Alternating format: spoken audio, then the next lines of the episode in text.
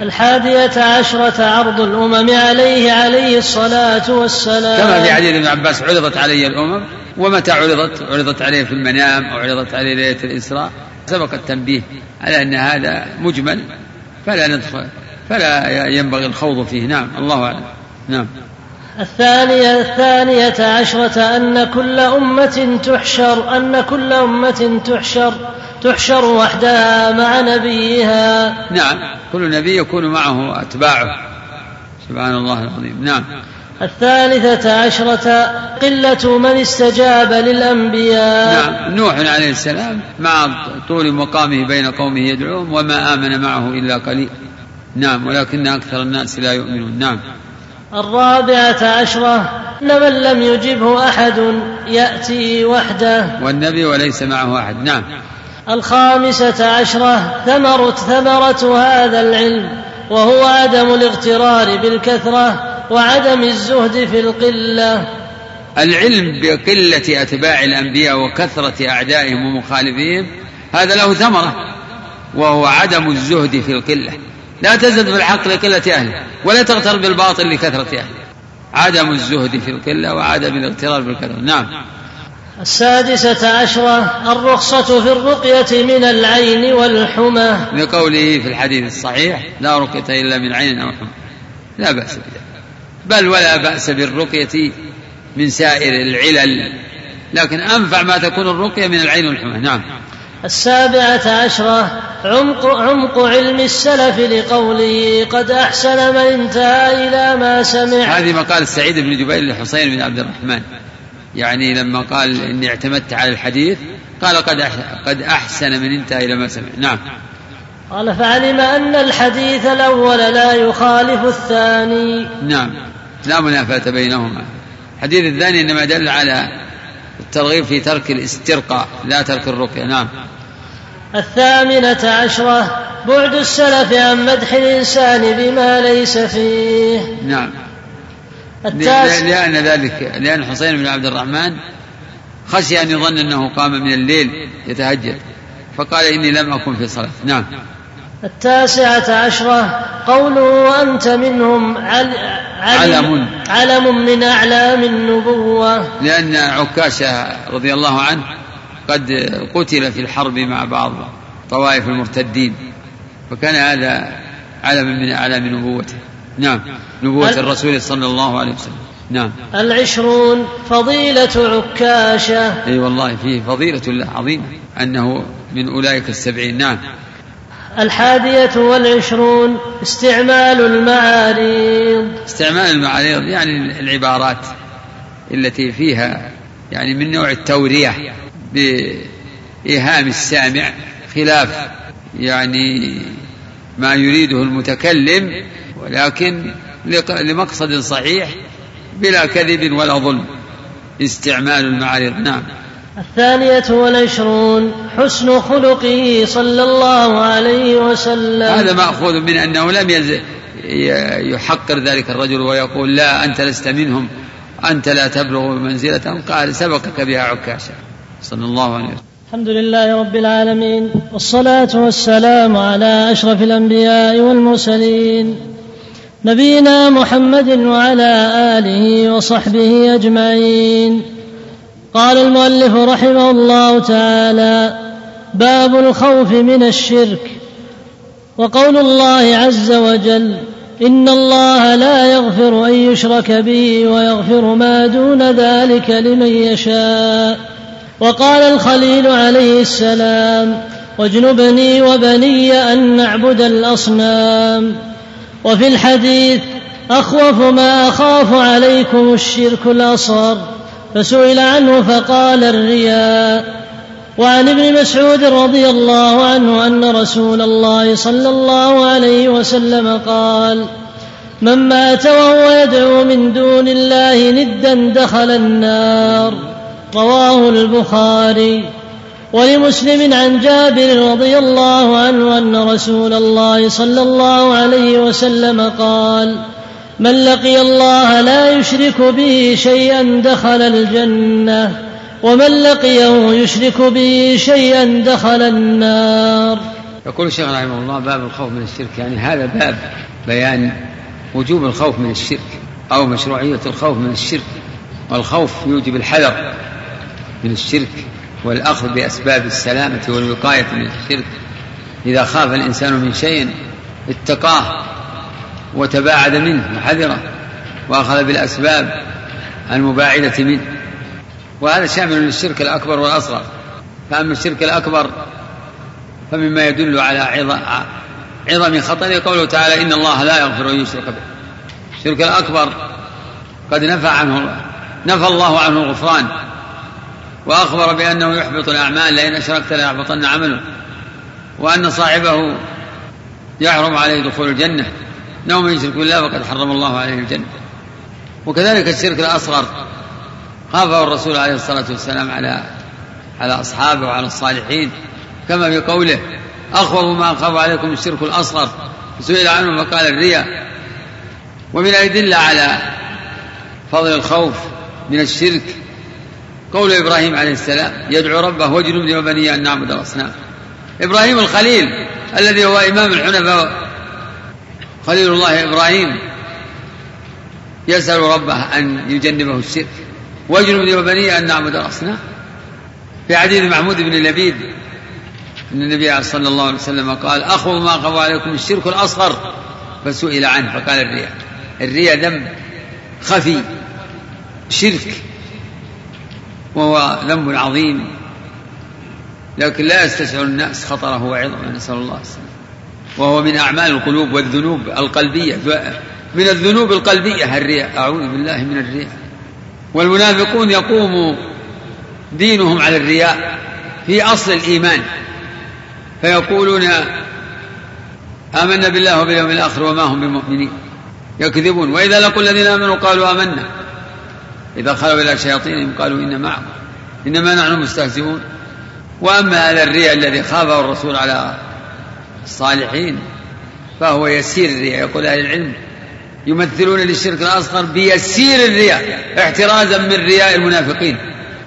في أصل الدين عن ابن مسعود رضي الله عنه أن النبي صلى الله عليه وسلم قال من مات وهو يدعو من دون الله ندا دخل من مات وهو يدعو لله نظيرا وشريكا دخل النار خالدا مخلدا فيها لأنه مشرك.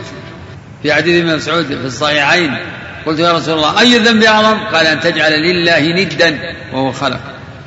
فهذا من أيضا مما يوجب الخوف من الشرك أنه موجب أن الشرك موجب لدخول النار. في حديث جابر جاء رجل إلى النبي صلى الله عليه وسلم فقال ما الموجبتان؟ قال من لقي الله لا يشرك به شيئا دخل الجنة. ومن لقي يشرك به شيئا دخل النار. فمن لقي الله لا يشرك به أي شرك دخل أدخله الله الجنة. ومن لقيه يشرك به شيئا دخل النار. فإن كان الشرك الأكبر فهذا ظاهر فيدخلها دخول الخلود دخول المشركين. وإن كان عنده شيء من الشرك الأصغر دخل النار. ودخول النار ما يستلزم الخلود. إذا كان العبد موحدا لم يشرك الشرك الأكبر الذي يوجب الردة.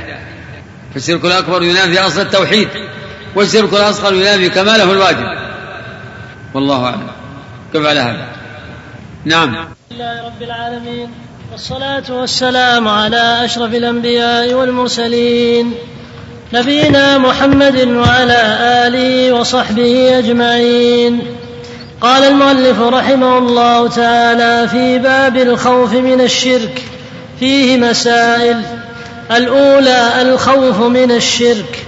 الخوف من الشرك هذا عنوان الباب. يعني إما فضل الخوف أو وجوب الخوف من الشرك. كيف لا يخاف الشرك وهو أعظم الذنوب؟ كيف لا يخاف وهو الذي يفضي إلى أسوأ العواقب؟ كيف لا يخاف وهو الظلم العظيم والخوف من الشرك يثمر التعوذ بالله منه والحذر منه والأخذ بالأسباب المخلصة منه. نعوذ بالله من الشرك نعوذ بالله من الشرك كله. نعم. الثانية أن الرياء من الشرك. هذا نص الحديث. هو ما خف عليكم الشرك الأصغر. وسئل عنه فقال الرياء. نعم. والمراد به يسير الرياء كما تقدم. نعم. الثالثة أنه من الشرك الأصغر. نعم. نص الحديث عليه. ليس ليس شركا أكبر. فلا يكفر به لا يكفر صاحبه. ولو كان شركا أكبر لهلك كثير من الناس. لا حول ولا نعم. الرابعة أنه أخوف ما يخاف منه على الصالحين. نعم. لأن هذا يعرض لكثير من من من الصالحين من العباد من العلماء. ولهذا قال عليه الصلاة والسلام أخوف ما أخاف عليكم الشرك الأصغر. نعم. الخامسة قرب الجنة والنار. نعم. من مات لا يشرك بالله شيئا دخل الجنة. ومن مات يشرك به شيئا دخل النار. نعم. السادسة الجمع بين قربهما في حديث واحد. نعم. وهو وهذا يتضمن الجمع بين الوعد والوعيد. نعم. السابعة أنه من لقيه لا يشرك به شيئا دخل الجنة ومن لقيه يشرك به شيئا دخل النار ولو كان من أعبد الناس. هذا ما في هذا ما دل عليه حديث جابر. فمن مات لا يشرك بالله شيئا أيا كان من الشرك دخل الجنة من أول وهلة ومن مات لا يشرك يشرك به شيئا من الشرك الأكبر دخل النار مخلدا فيها. وإلا دخل النار بتطهيره وتمحيصه. وهذا مقيد بمشيئة الله. نعم. الثامنة المسألة العظيمة سؤال الخليل له ولبنيه وقاية عبادة الأصنام. نعم. إبراهيم الخليل إمام الحنفاء خليل الله يسأل الله له ولبنيه أن يجنبه عبادة الأصنام. فهذا من مما يدل على كمال إيمانه بالله وتعظيمه. خاف على نفسه الشرك. نعم. التاسعة اعتباره بحال الأكثر لقوله رب إنهن أضللن كثيرا من الناس. اعتبر بالأكثر. فضلال أكثر الناس بالأصنام هذا مما يوجب الخوف. إذا إذا كان إذا كان أكثر الناس قد قد ضل بهذه الفتنة. هذا يوجب للعاقل الحذر والخوف واللجأ إلى الله أن يعصمه. نعم. العاشرة فيه تفسير لا إله إلا الله كما ذكره البخاري. لعله في حديث ابن مسعود من مات يدعو لله ندا دخل نعم. الحادية نعم. عشرة فضيلة من سلم من الشرك. فضيلة من سلم من الشرك لقوله من مات لا يشرك بالله شيئا دخل الجنة. انتهى. انتهى حسبك. نعم. الحمد لله رب العالمين. الصلاة والسلام على أشرف الأنبياء والمرسلين. لا إله إلا الله. نبينا محمد وعلى آله وصحبه أجمعين. قال المؤلف رحمه الله تعالى باب الدعاء إلى شهادة أن لا إله إلا الله. وقول الله تعالى قل هذه سبيلي أدعو إلى الله على بصيرة أنا ومن اتبعني وسبحان الله وما أنا من المشركين. الله. وعن ابن عباس رضي الله عنهما أن رسول الله صلى الله عليه وسلم لما بعث معاذا إلى اليمن قال له قال له إنك تأتي قوما من أهل الكتاب. فليكن أول ما تدعوهم إليه شهادة أن لا إله إلا الله. وفي رواية إلى أن يوحدوا الله. فإنهم أطاعوك لذلك فأعلمهم أن الله افترض عليهم خمس صلوات في كل يوم وليلة. فإنهم أطاعوك لذلك فأعلمهم أن الله افترض عليهم صدقة تؤخذ من أغنيائهم. تؤخذ من أغنيائهم فترد على فقرائهم. فإنهم أطاعوك لذلك فإياك وكرائم أموالهم. فإياك وكرائم أموالهم. واتق دعوة المظلوم فإنه ليس بينها وبين الله حجاب. أخرجاه. حسبك. يقول الشيخ رحمه الله باب الدعاء إلى شهادة أن لا إله إلا الله. يعني هذا باب بيان وجوب الدعاء إلى شهادة أن لا إله إلا الله وفضل الدعاء يعني الدعوة إلى شهادة أن لا إله إلا الله. وترتيب هذا الباب على ما قبله في غاية المناسبة. فبعد أن بين الشيخ منزلة التوحيد من الدين وفضله وتفاضل الناس فيه ووجوب الخوف من ضده ناسب أن يذكر ما ينبغي لمن من الله عليه بالتوحيد من الدعوة إلى التوحيد. فقال باب الدعاء. يعني إذا أيها المسلم كما من الله عليك بالتوحيد والاجتهاد في تحقيقه عليك أن تدعو. باب الدعاء إلى شهادة أن لا إله إلا الله. والدعاء إلى شهادة أن لا إله إلا الله هي مفتاح دعوة الرسل.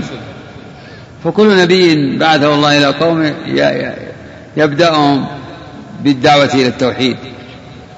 يقول لقوم اعبدوا الله ما لكم من إله غيره. ما أرسلنا من قبلكم من رسول إلا نوحي إليه أنه لا إله إلا أنا فاعبدون. وقول الله تعالى قل هذه سبيل. يأمر الله نبيه أن يعلن هذا الأمر ويبين ويقول هذه سبيل. هذه طريقي أدعو إلى الله. يعني إذا الدعاء إلى الله هي سبيل الرسول وسبيل أتباعه. أدعو إلى الله على بصيرة أنا ومن اتبعني. أدعو إلى الله على بصيرة أنا ومن اتبعني. قوله على بصيرة حال من قوله أدعو. وقوله أنا ومن اتبعني أنا ضمير فصل. ومن اتبعني معطوف على الضمير المستتر في قوله أدعو. على بصيرة أنا ومن اتبعني. وقوله ومن اتبعني هذا الصعيان معطوف على الضمير المستتر في قوله أدعو. وعلى هذا فتكون الآية دالة على أن الدعوة إلى الله هي سبيل الرسول وسبيل أتباعه. هي سبيل وسبيل أتباعه. الدعاء إلى الله على بصيرة وعلى بينة هي سبيل الرسول وسبيل أتباعه. وسبحان الله تنزيه الله. وسبحان الله وما أنا من المشركين. والآية ظاهرة الدلالة على شرعية الدعاء إلى الله. وذكر علي بن عباس رضي الله عنهما أن النبي أن النبي صلى الله عليه وسلم لما بعث معاذا إلى اليمن أوصى وقال إنك تأتي قوم من أهل الكتاب ليستعد لمناظرتهم ورد شبهاتهم. فليكن أول ما تدعوهم إليه شهادة أن لا إله إلا الله. وفي رواية إلى أن يوحدوا الله. فإنهم أطاعوك لذلك. وهذا هو الشاهد قوله فليكن أول ما تدعوهم إليه شهادة أن لا إله إلا الله. وفي رواية لا يوحد الله. فأمره بالبداءة في الدعوة بالشهادة. يعني وشهادة أن محمد رسول الله. لأن الشهادتين متلازمتان. وفي رواية لا يوحد الله. والمؤدى واحد. قال فإنهم أطاعوك لذلك. فاعلموا أن الله افترض عليهم خمس صلوات في كل يوم وليلة. وفي هذا دلالة على عظم شأن الصلاة وأنها أول واجب بعد التوحيد. وأعظم واجب وأفضل عمل. قال ابن مسعود رضي الله عنه قلت يا رسول الله أي العمل أحب إلى الله؟ قال الصلاة على وقته قال فإنهم أطاعوك لذلك فاعلموا أن الله افترض عليهم صدقة. تؤخذ من أغنيائهم فترد على فقرائهم. فإنهم أطاعوك لذلك فإياك وكرائم أموالهم. إياك. هذا اسم فعل للتحذير إياك. إياك وكرائم أموالهم. فقوله وكرائم منصوب على التحذير. ثم قال واتق دعوة المظلوم. احذر دعوة المظلوم. احترس من أن تتعرض لدعوة المظلوم. فإنها دعوة مستجابة. ليس بينها وبين الله حجاب. فأفاد هذا الحديث فوائد كثيرة لكن منها الدعوة إلى التوحيد والبداءة به البداء بالأهم فالأهم وفيه الدلالة على فرض الصلوات الخمس وفرض الزكاة ووجوب أخذها من الأغنياء وأدائها للفقراء تؤخذ من أغنيائهم وترد في فقرائهم. خذ من أموالهم صدقة تطهرهم وتزكيهم بها. واقتصر في الحديث على الأركان الثلاثة من أركان الإسلام. لأنها أهمها وأعمها. والحديث نظير قوله تعالى وما امروا الا ليعبدوا الله مخلصين له الدين حنفاء ويقيموا الصلاه ويؤتوا الزكاه. ونظير لقوله فان تابوا واقاموا الصلاه واتوا الزكاه فاخوانكم في الدين. نعم.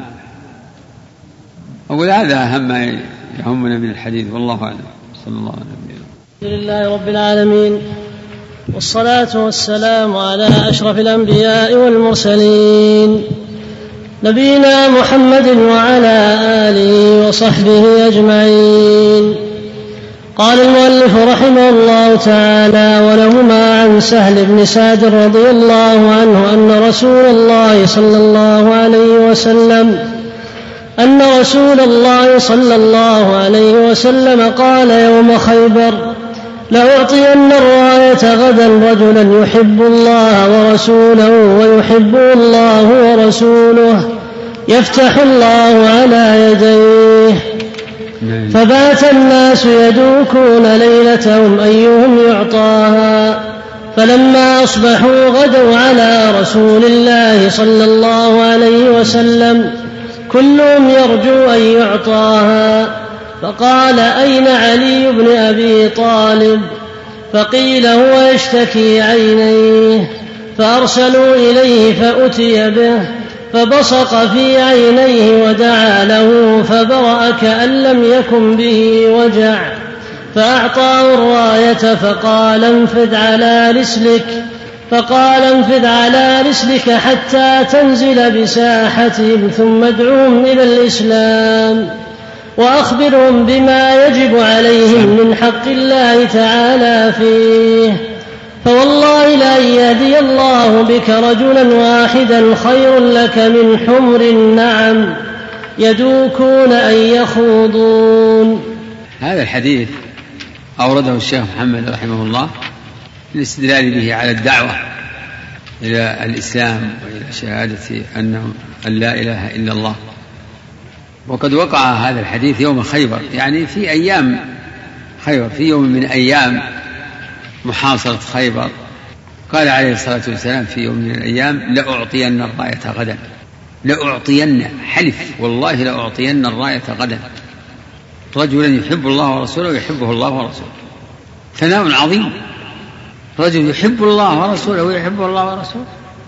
هذه منزلة فضيلة كل مؤمن يحب الله ورسوله ويحبه الله ورسوله إلا أن هذا فيه الشهادة له. يعني الفضيلة والمزية تأتي بالشهادة له. الرسول شهد له بأنه يحب الله ورسوله ويحبه الله ورسوله. فسكت عليه الصلاة والسلام وانصرف الناس فباتوا في تلك الليلة يخوضون. يا ترى من هو؟ يا ترى من ذلك الرجل الذي سيعطيه الرسول الراية الموصوف بهذا النعت العظيم؟ يدوكون يخوضون يتكلمون. واهتموا ب يعني جاء عن عمر أنه يقول ما أحببت الإمارة إلا يومئذ. ما هو حبا للأمارة حبا لهذا الوصف العظيم والثناء. فلما أصبحوا غدوا على الرسول ذهبوا الغدو هو الذهاب اول النهار. غدوا على رسول الله صلى الله عليه وسلم. كلهم يرجو أن يعطاه في علو هممهم. علو همم كل واحد منهم يؤمن الخير ويطمع فيه. كلهم يرجو أن يعطاه. فلما حضروا قال النبي أين علي بن أبي طالب؟ علي ما لم يحضر الجلسة الأولى ولا الثانية. لم يحضر. أين علي بن أبي طالب؟ فقيل له إنه يشتكي عينيه من رمد بهما. فأرسل إليه. أو فأرسلوا إليه. فجيء به. جيء به ورجل يقوده لأنه لأن عينيه مريضتان لا يستطيع الإبصار. فبصق النبي صلى الله عليه وسلم في عينيه ودعا له فبرأ. في الحال علم من أعلام النبوة. كان لم يكن به وجع. ثم قال ثم أعطاه الراية. الراية علم. أعطاه الراية. ثم قال له امضي انفذ يعني امضي على مهل. يعني رفقا ب رفقا بأصحابه انفذ على رسلك حتى تنزل بساحتهم قريبا منهم ثم ادعهم إلى الإسلام. ادعهم إلى الإسلام الذي أصله شهادة أن لا إله إلا الله. وأخبرهم بما يجب عليهم من حق الله تعالى فيه. أخبرهم بشرائع الإسلام الظاهرة. أخبرهم بما يجب عليهم من حق الله تعالى فيه. ثم قال عليه الصلاة والسلام فوالله لأن يهدي الله بك رجلا واحدا. خير لك من حمر النعم. وهذا هو الشاهد من الحديث. أو قولهم أو قبل ذلك. حتى تنزل من ساعتهم. ثم ادعهم. ثم ادعهم إلى الإسلام.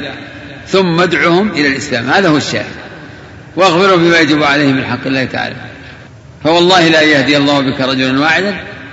إلى آخره فيه فضيلة فضيلة الداعي. وعظم أجر الدعوة إلى الله وهداية الخلق. فوالله لا يهدي الله بك رجلا واحدا خير لك من حمر النعم. حمر جمع أحمر ويعبر بها عن الإبل الحمر لأنها من أنفس الأموال عند العرب. من أنفس الأموال عند العرب الإبل الحمر. قال الشيخ كلمة تفسير يدوكون يعني يخوضون. نعم غيره. نعم. في مسائل الأولى أن الدعوة إلى الله طريق من اتبع رسول الله صلى الله عليه وسلم. نعم هذه الفائدة مأخوذة من قوله ومن اتبع قل هذه سبيلي أدعو إلى الله على بصيرة أنا ومن اتبع فهي طريق الرسل وأتباعهم. نعم. الثانية التنبيه على على الإخلاص لأن كثيرا لو دعا إلى الحق فهو يدعو إلى نفسه. هذه مسألة عظيمة وهي التنبيه على الإخلاص التنبيه على اعتبار الإخلاص في الدعوة إلى الله. يقول الشيخ فإن كثيرا كثيرا من الناس وإن دعا أو لو دعا إلى الحق إنه يدعو إلى نفسه يريد الوجاهة ويريد السمعة. إذا هو يدعو إلى نفسه ما يدعو إلى الحق ولا يدعو إلى الله. هذا أخذ من, من لعله من قوله قل هذه سبيلي أدعو إلى الله. أدعو إلى الله فلا بد من التحقق بهذا المعنى. لا بد من التحقق بهذا المعنى. أدعو إلى الله. أما الذي يدعو للسمعة والوجاهة فهو يدعو إلى نفسه. نعم. الثالثة أن البصيرة من الفرائض. البصيرة وهي العلم والبينة. ولهذا يدعو إلى الله على بصيرة فواجب. على الداعية أن يدعو على بصيرة بأن يتفقه في الدين ويتعلم ويعرف ما ما يأمر به وما ينهى عنه. نعم. وكيف يدعو وكيف يأمر وكيف ينهى. نعم. الرابعة من دلائل حسن التوحيد أنه تنزيه الله تعالى عن المسبة. من محاسن التوحيد أنه تنزيه لله عن المسبة وذلك مأخوذ من قوله وسبحان الله. وسبحان الله تنزيها لله عن كل إفك وشرك ونقص وعيب. نعم.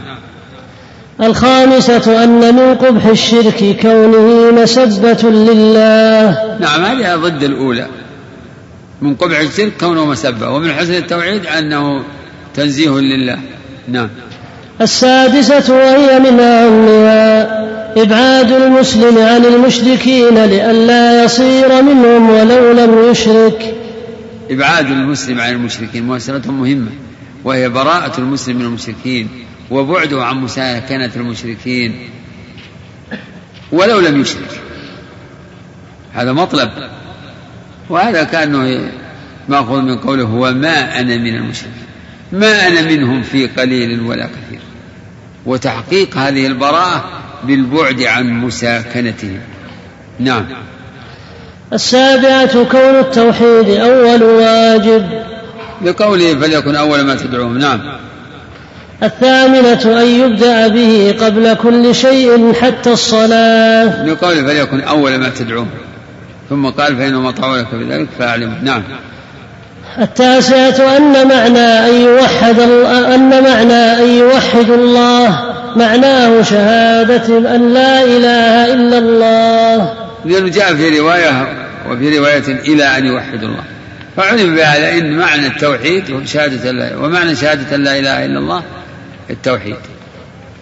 نعم. العاشرة أن الإنسان قد يكون من أهل الكتاب وهو لا يعرفها أو يعرفها ولا يعمل بها. لأنه قال فليكن أول ما إنك تأتي قوما من أهل الكتاب فليكن أول ما تدعوهم إليه شهادة أن لا إله إلا الله. ففي دلالة على أن الرجل قد يكون من أهل الكتاب وهو لا يعرف هذه الكلمة. أو يقولها أو يعرفها لكنه لا يعمل بموجبها. نعم. الحادية عشرة التنبيه على التعليم بالتدريج. نعم لأنه تدرج معه قال فليكن أول ما تدعو إليه شهادة لا إله إلا الله ثم الصلاة ثم الزكاة. نعم. الثانية عشرة البداءة بالأهم فالأهم. نعم هذا هذا هو المنهج الصحيح في التعليم. البداء بالأهم فالأهم قبل قبل المهم. هذا هو الحكمة. يعني ما تذهب تعلم يعني الكافر أحكام الصلاة وما بعد السلام. نعم. الثالثة عشرة نصرف الزكاة أو تأمره بالصلاة وما بعد السلام. إنها لا تصح منه. نعم. الثالثة عشرة نصرف الزكاة. مصرفها الفقراء وسائر أصناف الزكاة المذكورين في القرآن. والحديث يستدل به على جواز صرف الزكاة في صنف واحد. نعم. الرابعة عشرة كشف العالم الشبهة عن المتعلم. كشف الشبهة كشف العالم الشبهة عن المتعلم كأنه مأخوذ من قوله إنك تأتي قوم من أهل الكتاب. يعني لأنه يعني فيه تنبيه توضح المسألة اللي بعدها نعم. المسألة الخامسة عشرة النهي عن كرائم الأموال. نعم هذه مسألة مأخوذة من حديث معاذ. يعني ينهى المصدق الساعي الجابي للزكاة ينهى عن أن يأخذ كرائم الأموال بل يأخذ من الوسط إلا برضا المزكي. نعم. السادسة عشرة اتقاء دعوة المظلوم. نعم لأنها أمر خطير. يجب الحذر من الظلم. اتقاء دعوة المظلوم تكون بماذا؟ تكون بترك الظلم. فقط. هذا أو باستباحة المظلوم اتقاء الظلم أو التوبة واستباحة المظلوم أو ورد المظلمة. نعم. السابعة عشرة الإخبار بأنها لا تحجب. نعم. دعوة المظلوم مستجابة ولو كان كافرا. نعم. الثامنة عشرة من أدلة التوحيد ما جرى على سيد المرسلين وسادات الأولياء من المشقة والجوع والوباء. هذه المسألة ليس في نص آه، الباب أو نص الحديث ما يدل عليه. لكن هذه من لفتات الشيخ الدقيقة. يشير إلى ما وقع في أيام خيبر من الشدة على المسلمين مشقة وجوع حتى يعني حتى وقعوا في الحمر ذبحوها. يقول والوباء والوباء لا أدري عنه. هل وقع فيهم وباء مرض؟ يقول من هذا من أدلة التوحيد ما حصل للرسول صلى الله عليه وسلم و وأصحابه وهم السادة من من ذلك الابتلاء من المشقة والجوع. ووجه ذلك أن هذا يدل على أن الرسول عبد ليس برب عبد لا يعبد. عبد مدبر تجري عليه العوارض البشرية من المرض والمشقة والجوع كل ذلك يجري عليه. فهذا من أدلة التوحيد. هذا معنى كلام الشيخ من أدلة التوحيد. يعني هذا يدل على بطلان يعني تأليه الرسول أو غيره من الأنبياء. أو من دونهم من الصالحين. وذلك ببيان أنهم بشر وهو مخلوق وخلق مدبرون مربوبون عاجزون تعرض لهم العوارض البشرية. نعم. التاسعة عشرة. قوله لأعطين الراية إلى آخره علم من أعلام النبوة. نعم. الرسول يقسم يقول لأعطين الراية غدا رجلا يحب الله ورسوله ويحبه الله ورسوله يفتح الله على يديه. هذا علم من أعلام النبوة لأنه أخبر عن أمر سيكون غدا وقد وقع كما أخبر فكان ذلك عنوانا أو برهانا على نبوته صلى الله عليه وسلم. نعم. العشرون تفلو في عينيه علم من أعلامها أيضا. تفلو الرسول في عيني علي بن أبي طالب ثم برؤه في نفس الحال. يعني الكلام فيه اختصار. علم من أعلام النبوة. جيء به يقاد لرمد في عينه فبصق فيها فيهما الرسول ودعا له فبرأ كأن لم يكن به وجع. نعم. الحادية والعشرون فضيلة علي رضي الله عنه. إي والله في دلالة في في هذا الحديث دلالة على فضل علي. في هذا الحديث فضيلة لعلي بأنه يحب الله ورسوله ويحبه الله ورسوله ففيها ففي الحديث رد على الخوارج الذين يطعنون فيه فيه رضي الله عنه ويكفرون. نعم. الثانية والعشرون فضل الصحابة في دوكهم تلك الليلة وشغلهم عن بشارة الفتح. فضل الصحابة في دوكهم تلك الليلة يتحرون من يكون هذا؟ من من من يا ترى؟ يعني لعله أنا لعله أنا يمكن لعله فلان. باتوا يخوضون يدوكون يخوضون. أيهم يعطاه؟ حتى جاء عن عمر أنه يقول لم ت... لم أتمنى الإمرة إلا يومئذ. لا رغبة في الإمارة بل رغبة في هذا الوصف. نعم. الثالثة والعشرون الإيمان بالقدر لحصول لحصولهما لمن لم يسعى لها. لحصوله لحصول لحصوله لحصولها. لحصولها لمن لم يسعى لها ومنعها عمن سعى. يقول في الحديث دلالة على يعني القدر فيه الإيمان بالقدر. يعني فكم من إنسان يتم له شيء وهو ما سعى فيه. فالصحابة الذين باتوا يدوكون تلك الليلة ما لم يكن المذكور واحدا منهم. وحصل إعطاء الراية وحصلت هذه الفضيلة لمن لم يسعى كان علي غائبا. ولم يدري ولم يفكر في شيء من هذا. ففيه الإيمان بالقدر. وهذا الأمر مشاهد للناس. سبحان الله كم من إنسان يسعى لشيء ويتعب به ولا يحصل ثم يحصل لإنسان لم يسعى له. يأتيه يعني باردا سهلا. نعم. ففيه الإيمان بالقدر. فالإنسان إذا طلب أمرا وسعى فيه عليه أن يؤمن بالقدر. يؤمن بأنه لا يكون إلا ما, ما شاء الله. نعم. الرابعة والعشرون الأدب في قوله على رسلك. يعني ينفذ على رسلك أي على مهل. هذا فيه الأدب في في قيادة الجيوش. يكون فيه رفق وأناءة. حتى لا يحصل لا يتضرر أحد بالإسراع إذا حصلت إسراع آه، يعني وطئ بعضهم بعضا وتخلف من يتخلف. نعم. الخامسة والعشرون الدعوة إلى الإسلام قبل القتال. الدعوة إلى الإسلام قبل القتال لأنه قال ثم ادعوهم إلى الإسلام وأخبرهم بما يجب عليهم من حق الله تعالى فأمرهم. قال العلماء تجب الدعوة قبل القتال لمن لم يدعى أما من من سبقت دعوته فتستحب دعوته ولا تجب نعم. السادسة والعشرون أنه مشروع لمن دعوا قبل ذلك وقوتلوا. نعم مشروع لمن دعوا قبل ذلك وقوتلوا. يعني الدعوة قبل القتال مشروع لمن سبقت دعوته لمن سبق أن دعي. فاليهود قد سبقت دعوتهم وسبق قتالهم يوم كانوا قرب المدينة حتى أجروا إلى خيبر. نعم. السابعة والعشرون.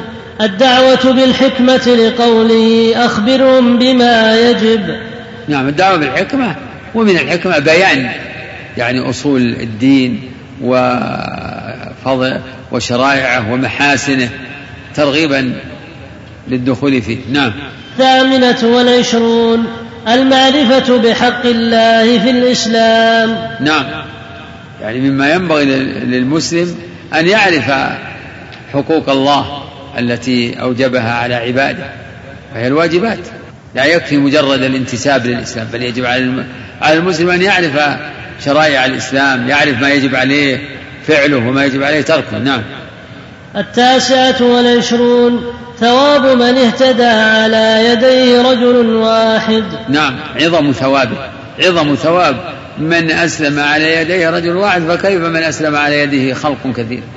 لقوله خير لك من حمر النعم. النعم نعم. الثلاثون الحلف على الفتيا. يعني جواز الحلف على الفتيا. الإنسان إذا أخبر بحكم وهو مستثبت منه يقول والله نعم إي والله. أو أخبر بفضيلة يقول إي والله. فالرسول يحلف يعني على على ما يفتي ما يخبر به كثيرا. والذي نفسي بيده. والذي نفسي بيده. كثيرا ما يقول كذا. أو يقول لا ومقلب القلوب. وهنا قال فوالله لأن يهدي الله بك رجلا واحدا خير لك من حمر النعم. حلف على ذلك تأكيدا تأكيدا لخبره وهو الصادق ولو لم يحلف. صلى الله عليه وسلم. نعم حسبك يا شيخ.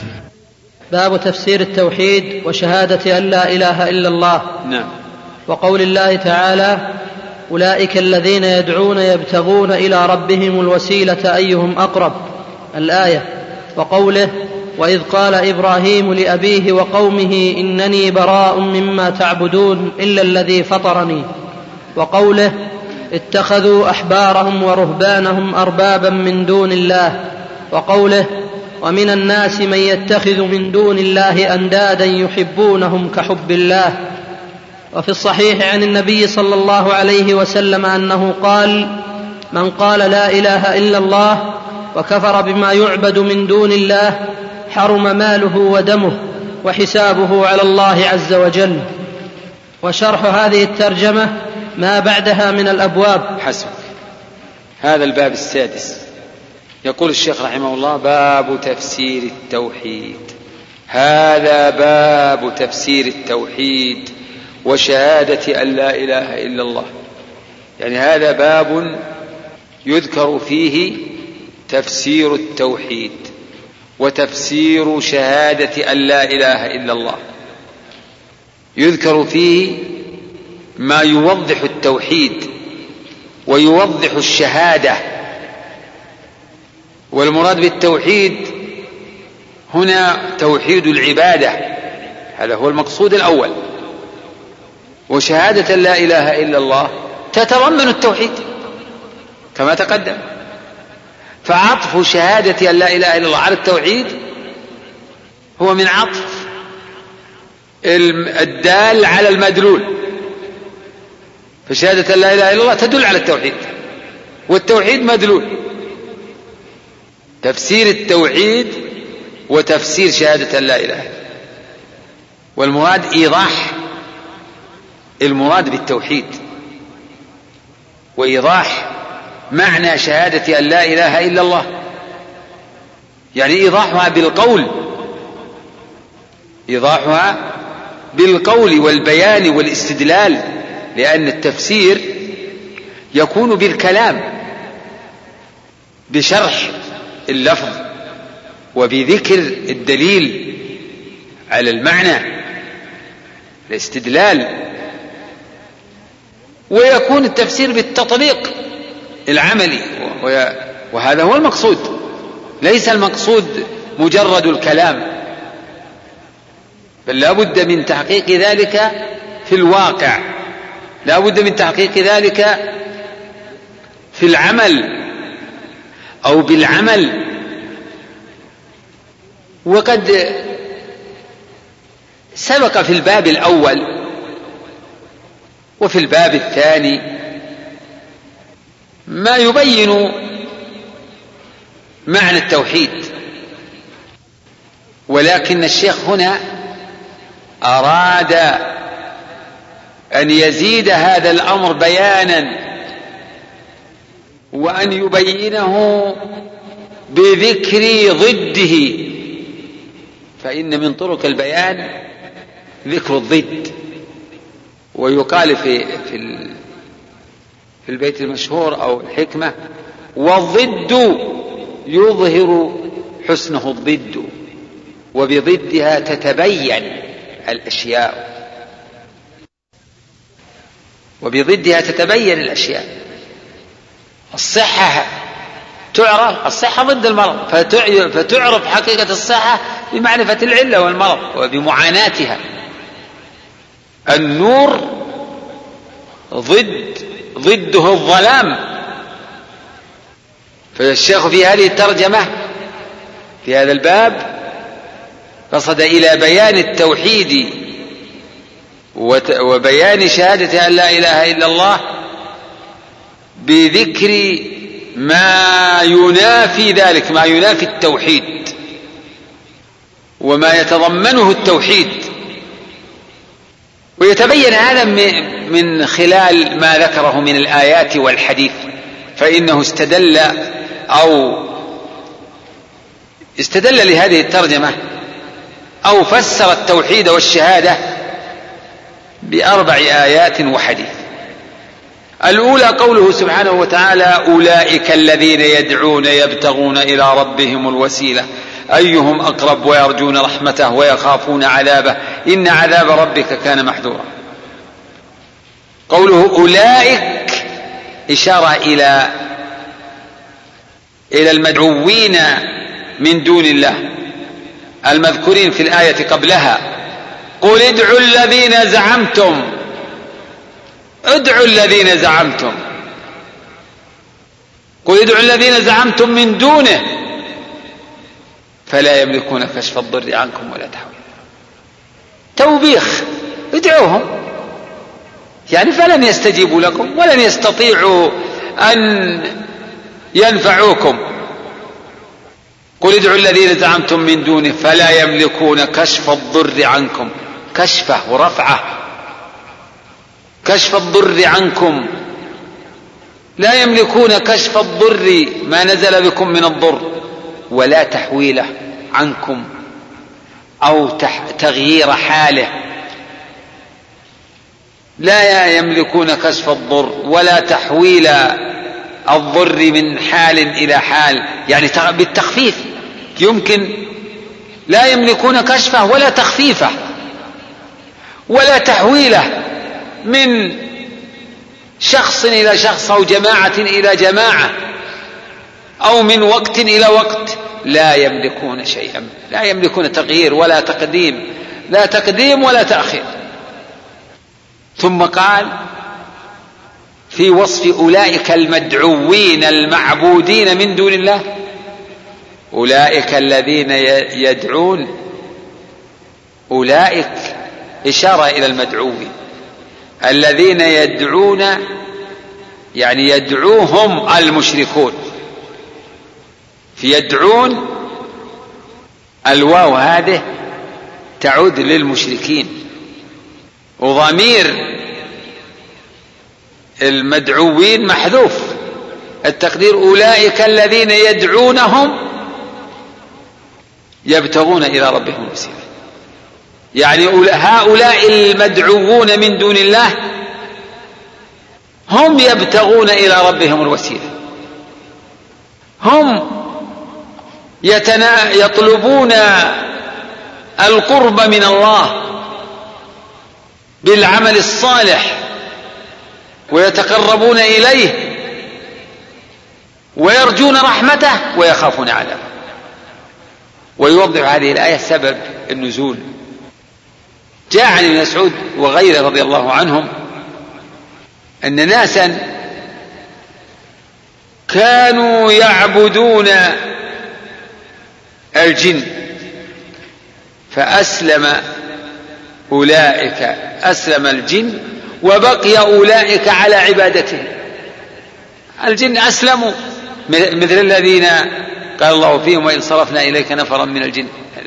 الايات وبقي هؤلاء على عبادتهم. ونفس المعبودون ما ما حالهم؟ يبتغون إلى ربهم الوسيلة ويرجون رحمته ويخافون عذابه وقيل هذه الآية نزلت في في الذين يعبدون الملائكة ويعبدون الأنبياء كالنصارى الذين يعبدون المسيح عليه السلام والذين يعبدون عزيرا كاليهود. هؤلاء المدعوون من الملائكة والأنبياء والصالحين هم يبتغون إلى ربهم وفي هذا إبطال لعبادة غير الله دلالة على بطلان عبادة أولئك. فهل العابد الخائف الراجي هل يستحق أن يعبد ويدعى ويرجى؟ لا. ومعلوم أن هؤلاء كانوا يتخذون الملائكة والأنبياء والصالحين شفعاء يتخذونهم وسائط. وبهذا يعلم أن اتخاذ الوسائط في العبادة أن هذا شرك منافي للتوحيد ومنافي لشهادة أن لا إله إلا الله. فمن اتخذ واسطة بينه وبين الله في العبادة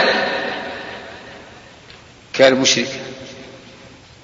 فهذا من الشرك المناقض للتوحيد اتخاذ الوسائط في العبادة. كالذين قال الله فيهم والذين اتخذوا من دونه أولياء ما نعبدهم إلا ليقربونا إلى الله زلفى. وفي الآية الأخرى ويعبدون من دون الله ما لا يضرهم ولا ينفعهم ويقولون هؤلاء شفعاؤنا عند الله. إذا اتخاذ الوسائط شرك منافي للتوحيد. إذا التوحيد يقتضي التوجه إلى الله بالعبادة دون أن يتوسط في ذلك أن يتوسط أحد في ذلك. نعم الرسول صلى الله عليه وسلم واسطة في التبليغ في تبليغ شرع الله وأوامره ونواهيه. فهذه واسطة لا بد منها الواسطة في التبليغ. لكن الواسطة الباطلة هي الواسطة في, العبادة. اتخاذ الوسائط في العبادة طلبا لشفاعته. الآية الثانية وهذه الأمور الثلاثة قول يبتغون إلى ربهم الوسيلة ويرجون رحمته. أخذ العلماء من هذا أن التوحيد يقوم على هذه المقامات الثلاث العبادة المحبة والخوف والرجاء. وربما سميت أركان العبادة المحبة والخوف والرجاء. فالمحبة هي التي يتضمنها قوله تعالى يبتغون إلى ربهم الوسيلة. أيهم أقرب؟ يتنافسون في التقرب إليه طلبا للقرب منه. وهذا هو ما مقتضى المحبة. ثم قال ويرجون رحمته ويخافون عذابه. فهذه ثلاثة ثلاثة أشياء لا بد منها. أولئك الذين وقال تعالى أولئك يسارعون في الخيرات ويدعوننا رغبا ويدعوننا ويدعوننا رغبا ورهبا وكانوا لنا خاشعين. الآية الثانية قوله تعالى عن إبراهيم في شأن إبراهيم وإذ قال إبراهيم لأبيه وقومه إنني براء مما تعبدون إلا الذي فطر فأعلن لأبيه وقومه براءتهم من كل ما براءته من كل ما يعبدونه إلا ربه الذي فطره كما قال في الآية الأخرى إنكم وما تعبدون أنتم وآباؤكم الأقدمون فإنهم عدو لي إلا رب العالمين. قالوا نعبد أصناما فنظل لها عاكفين. قال هل يسمعونكم تدعونهم أو ينفعونكم أو يضرون؟ قالوا بل وجدنا آباءنا كذلك يفعلون. قال أفرأيتم ما كنتم تعبدون؟ أنتم وآباؤكم الأقدمون؟ فإنهم عدو لي. هذا هو مضمون البراءة. التبري يتضمن المقاطعة وعدم المحبة والبغض يتضمن البغض والعداوة فإنهم عدو لي إلا رب العالمين. وهنا قال إنني براء مما تعبدون إلا الذي فطر وهذه البراءة من جميع المعبودين إلا الله هذا هو معنى لا إله إلا الله. فإن كلمة التوحيد كما تقدم مركبة من نفي وإثبات. نفي إلهية ما سوى الله وإثبات الإلهية لله وحده. وكلمة إبراهيم هذه تضمن يعني تتضمن لا إله إلا الله وتفسرها. فيعلم من هذه الآية أن التوحيد لا بد فيه من البراءة من المشركين وشركهم ومعبوداتهم. وأن شهادة أن لا إله إلا الله تتضمن البراءة من كل ما يعبد من دون الله. إذا هذا من تفسيرها من تفسير التوحيد ومن ومن تفسير شهادة أن لا إله إلا الله. براءة مع... معاداة مقاطعة. ثم قال سبحانه وتعالى وجعلها كلمة باقية. جعلها إبراهيم عليه السلام كلمة. أي جعل هذه المقالة التي السابقة إنني براء مما تعبدون إلا الذي فطرني جعل هذه المقولة أو مضمونها جعلها كلمة باقية في عقبه وهي لا إله إلا الله. جعلها إبراهيم في عقبه بوصيته فيها بوصيته بها وبدعوته إليها. وقيل المعنى جعلها الله جعلها الله كلمة باقية في عقبه. فلا يزال في عقب إبراهيم من يوحد الله. كما جعل النبوة والكتاب في ذريته. جعل التوحيد في ذريته. فلا فلا يزال في ذرية إبراهيم من يعبد الله وحده لا شريك له. وجعلها كلمة باقية في عقبه. فلا يزال في عقب إبراهيم من يوحد الله. كما جعل النبوة والكتاب في ذريته. جعل التوحيد في ذريته. فلا فلا يزال في ذرية إبراهيم من يعبد الله وحده لا شريك له. وجعلها كلمة باقية. ومن إبقائه تعالى لها في ذريته أن جعل الكتاب والنبوة في ذريته. أن جعل النبوة والكتاب في ذريته. ففي ذرية إبراهيم الأنبياء من من أولاد إسحاق من أولاد يعقوب.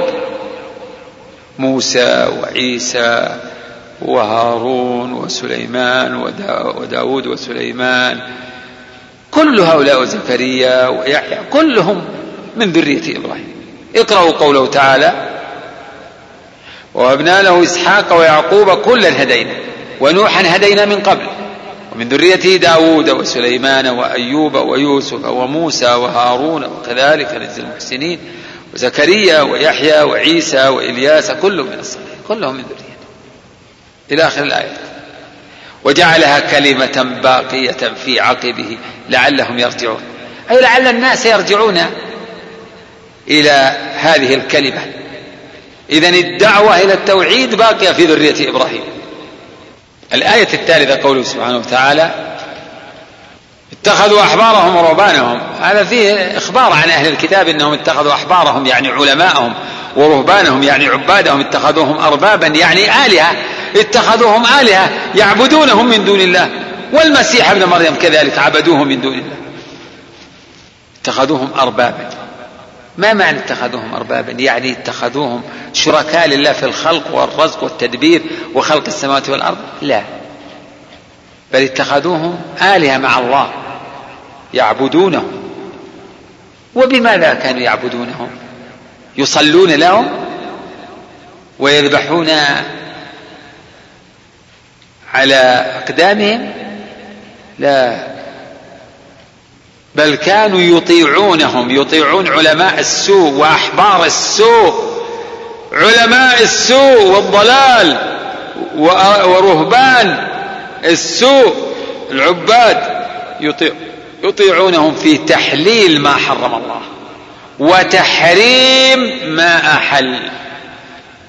يدل لذلك حديث عدي بن حاتم الذي رواه الترمذي وغيره. وحديث مشهور. وفيه أنه جاء إلى النبي صلى الله عليه وسلم والنبي يقرأ اتخذوا أحبارهم ورهبانهم.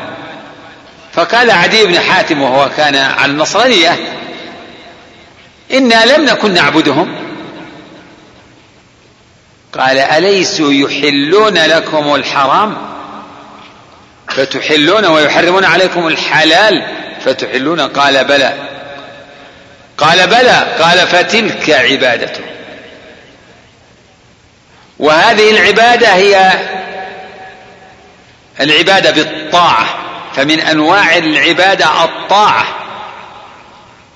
فطاعة المخلوق في تحليل الحرام وتحريم الحلال شرك. اذا التوحيد نرجع للتفسير تفسير التوحيد. اذا التوحيد يقتضي إفراد الله بالتحليل والتحريم. يعني إفراده تعالى بالإيمان بأنه هو الذي يحل ويحرم. وطاعته في ذلك وطاعة الرسول. طاعة الرسول هي عبادة لله. طاعة الرسول هي طاعة لله. من يطع الرسول فقد أطاع الله. فطاعة الرسول طاعة الله وطاعة رسوله متلازمتان. لا ينفك لا تنفك إحداهما عن الأخرى. وقد صرح القرآن بأن الطاعة في التحريم والتحليل شرك. وذلك في قوله تعالى وإن أطعتموهم إنكم لمشركون.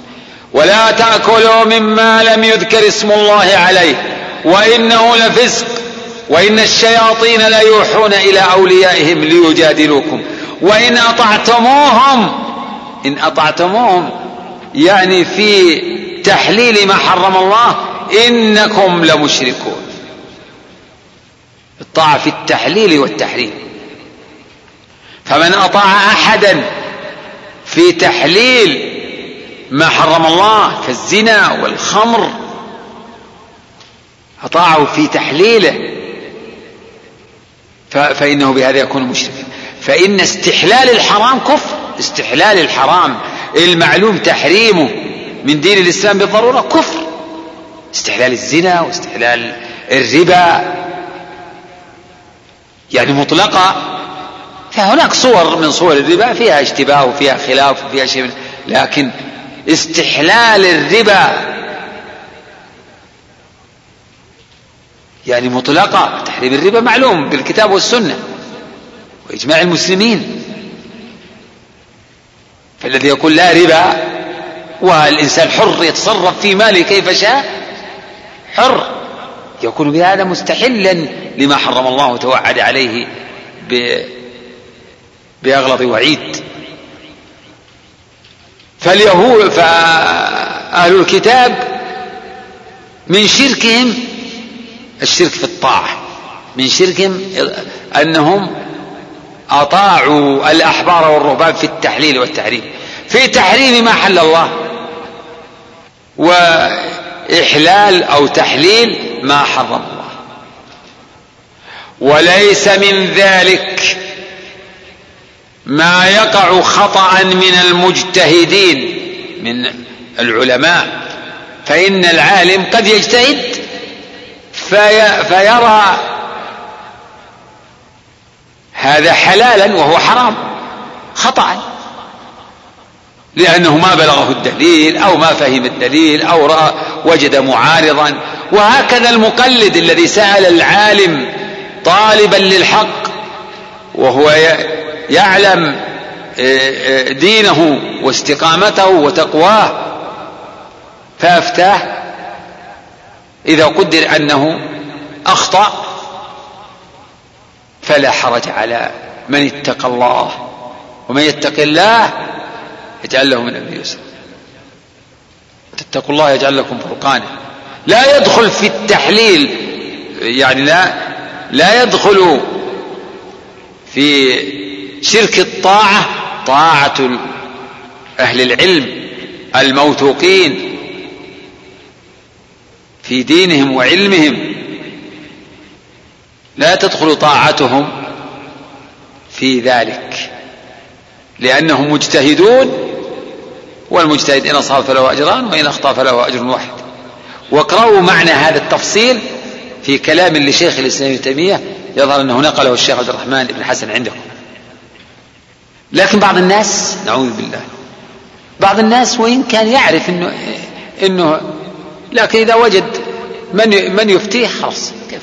على ذمة المفتي ما نشغل معناه أنه متعمد. قاصد والعياذ بالله متابعة الهواء يعرف. فمن قلد العالم وهو يعتقد إنه مخطئ لكن موافقة لهواه فالعالم يكون معذورا لاجتهاده وهذا غير معذور في متابعته على خطأه. الآية الرابعة قوله تعالى ومن الناس ومن الناس من يتخذ من دون الله أندادا يحبونهم كحب الله.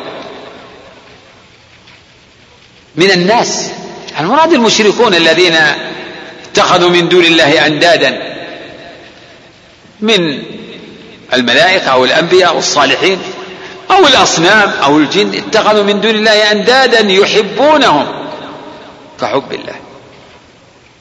وفي هذا ذم من الله لأولئك الذين أشركوا معه في المحبة وجعلوا له أندادا في المحبة. يحبونهم كحب الله. يعني يحبونهم كما يحبون الله. اتخذوا من دون الله أندادا يسوونهم بالله في المحبة فيحبونهم كحب الله. قال الله تعالى والذين آمنوا أشد حبا لله. المؤمنون الموحدون يحبون ربهم. أشد من حب المشركين لأندادهم أو أشد من حب المشركين لله. والذين آمنوا أشد حبا لله. وهذه الآية تدل على أن من أنواع الشرك الشرك في المحبة. فمن أحب غير الله محبة تتضمن تسويته بالله. والمحبة التي هذه شأنها وهذه حقيقتها تستتبع أمور تستتبع الطاعة وتستتبع يعني الذل لذلك المحبوب. ولهذا المشركون يحبون أندادهم. ف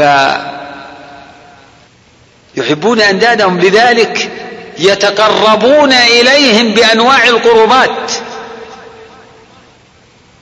ويرجونهم ويخافونهم. فالمحبة أصل. تتبعها أحوال وأعمال. تتبعها أحوال وأعمال. وليس من الشرك في المحبة المحبة الطبيعية كمحبة الإنسان آه، لولده وزوجته ووالديه ومحبته للمال.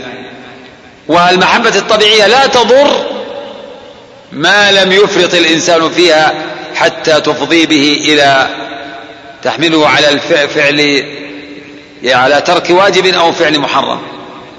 وقد يفرط الإنسان في المحبة الطبيعية حتى ينتهي ينتهي به الإفراط إلى الشرك. الشرك الأكبر. وسيعقد الشيخ رحمه الله لهذه المعاني أبوابا مستقلة. فهناك باب قول الله تعالى ومن الناس من يتخذ من دون الله أندادا. ذكر في هذه آيات في المحبة وأحاديث.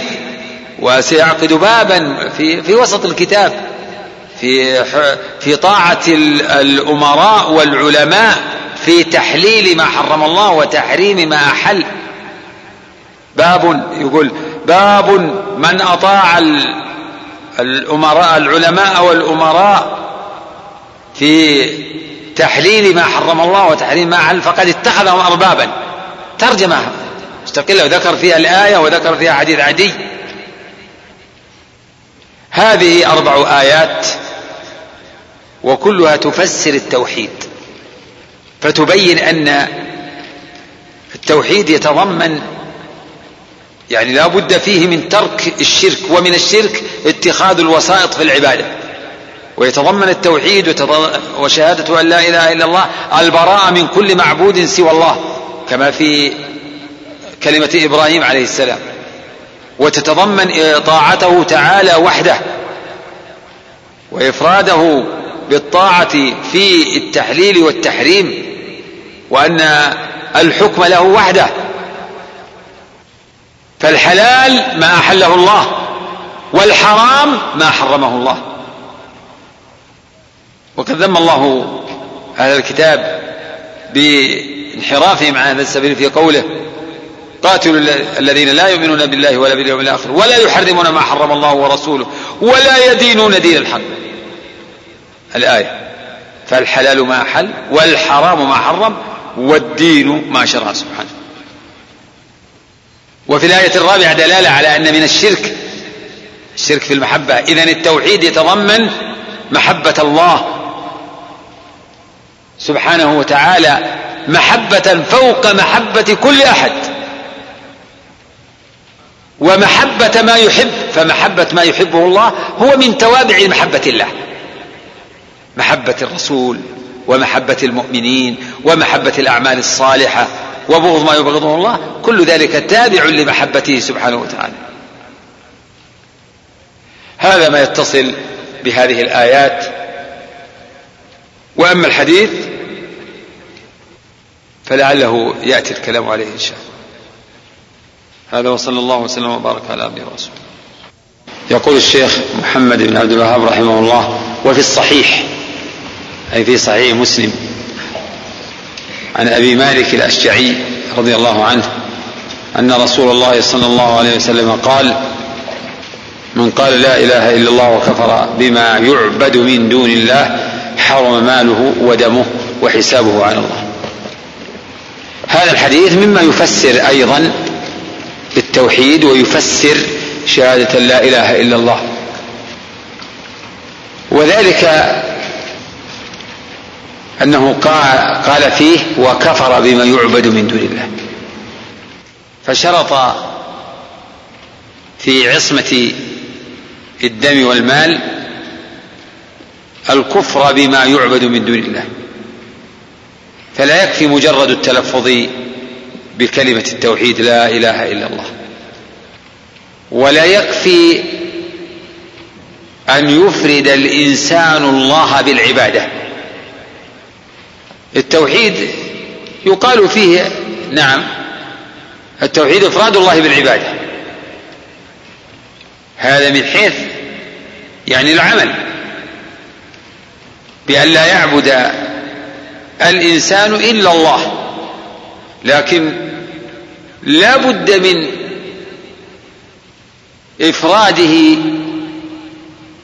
بالإلهية عقيدة وذلك باعتقاد أنه هو الإله الحق الذي لا يستحق العبادة سواه وأن كل معبود سواه باطل ذلك بأن الله هو الحق وأن ما يدعون من دونه هو الباطل وأن الله هو العلي الكبير.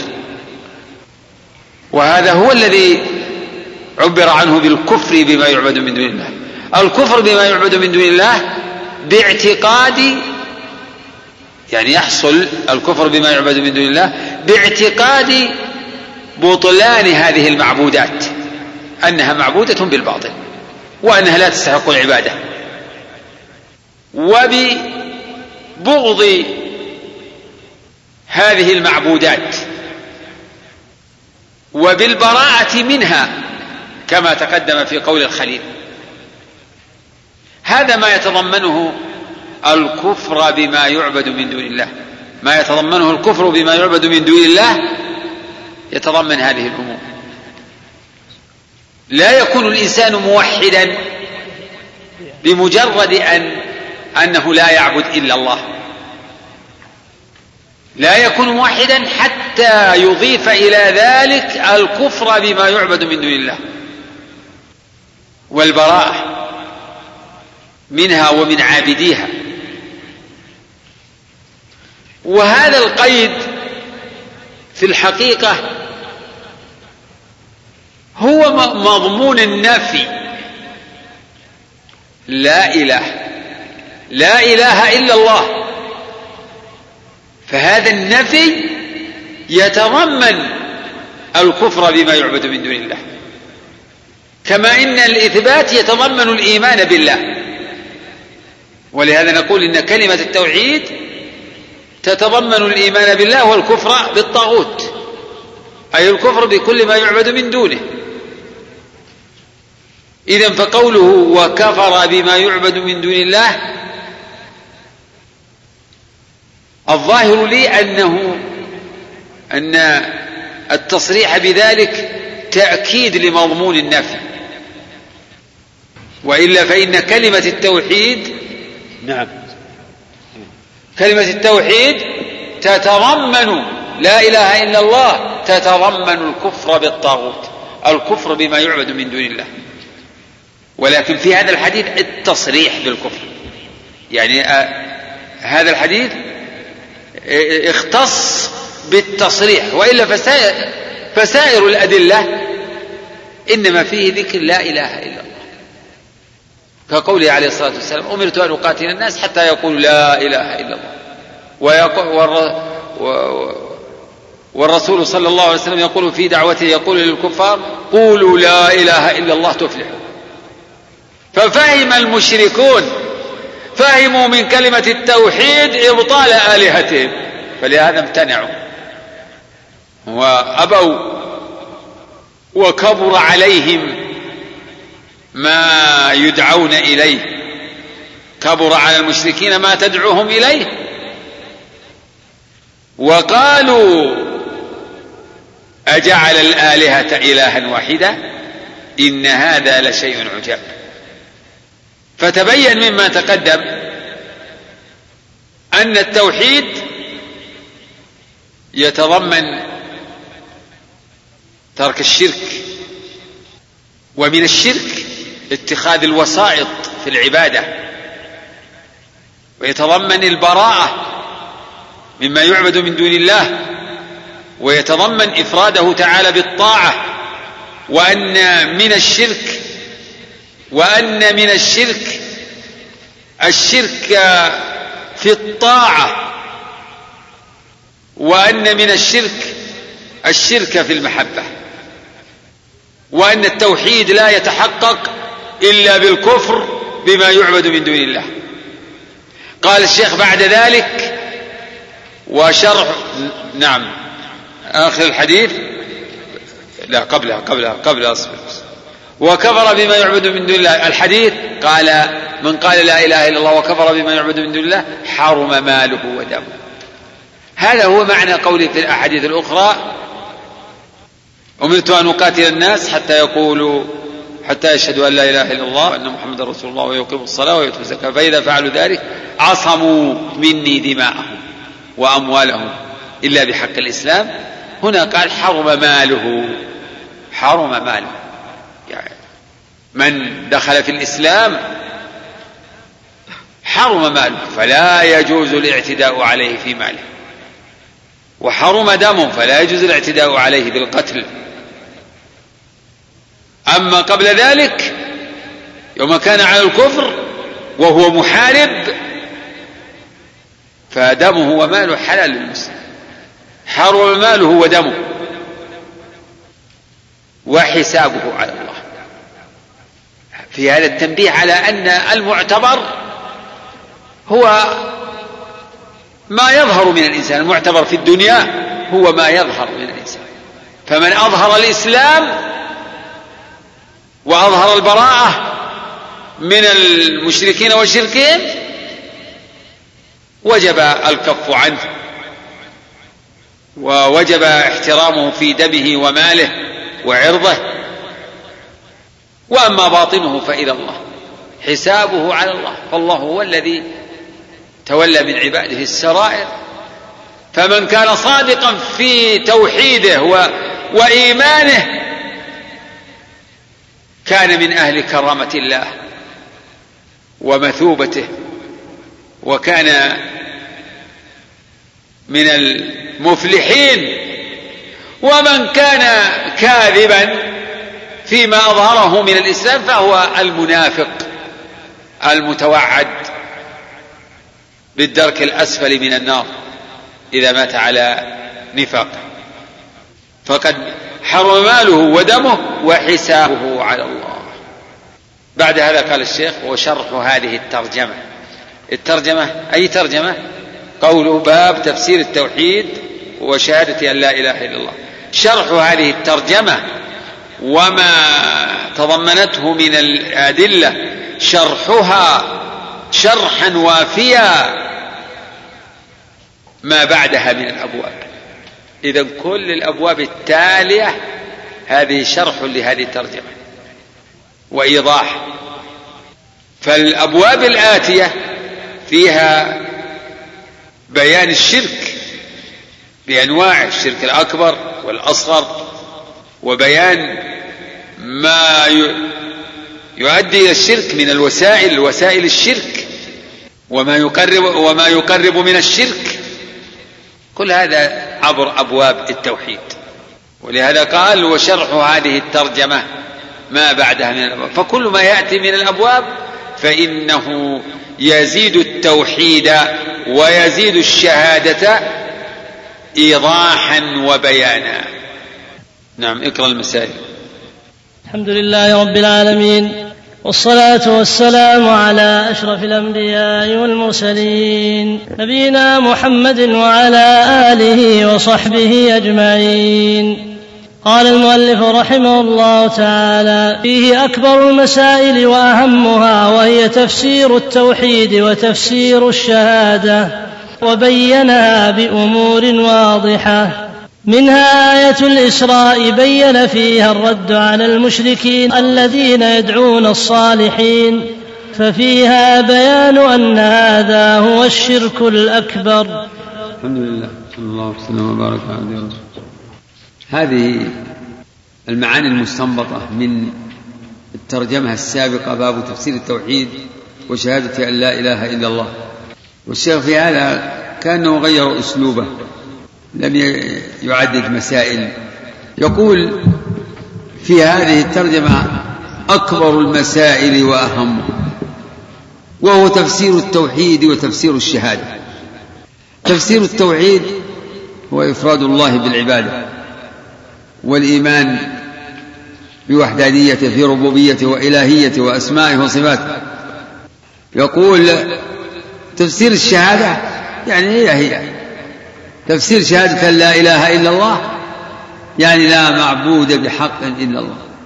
وهي كلمة تدل على التوحيد. يقول وبين ذلك بأمور. أولا قوله تعالى والذين يدعون يبتغون إلى ربهم الوسيلة أيهم أقرب. ويرجون رحمته ويخافون عذابه. وهذه الآية نزلت في شأن من كان يعبد بعض الجن وقد أسلموا وصلحت حالهم وصاروا صالحين. وكذلك من يعبد المسيح وأمه ويعبد الصالحين. فهذه الآية نزلت في شأن الذين يدعون بعض الصالحين من الملائكة والأنبياء وسائر الناس. يدعونهم ويرجونهم ويخافون. وهؤلاء المدعوون هم يدعون ربهم. ويبتغون عنده الوسيلة. يقول فعلم أن ما كان يصنعه المشركون مع أولئك الصالحين أنه هو الشرك الأكبر. فمن بيان تفسير التوحيد بهذه الآية بيان أن من دعا غير الله واستغاث به وتقرب إليه فقد اتخذه إلها اتخذه إلها مع الله. تعالى الله عما يقولون علوا كبيرا. نعم ومنها. ومنها آية براءة. بين فيها أن أهل الكتاب اتخذوا أحبارهم ورهبانهم أربابا من دون الله. وبين أنهم لم يؤمروا إلا بأن يعبدوا إلها واحدا. مع أن تفسيرها الذي لا إشكال فيه طاعة العلماء والعباد في المعصية لا دعاؤهم إياهم. المسألة الثانية بعد الآية الأولى قالوا من منها آية الإسراء. بين فيها بين فيها الرد على المشركين الذين يدعون الصالحين ففيها بيان أن هذا هو الشرك الأكبر. نعم وإذا عرف ضد الشيء عرف يعني ضده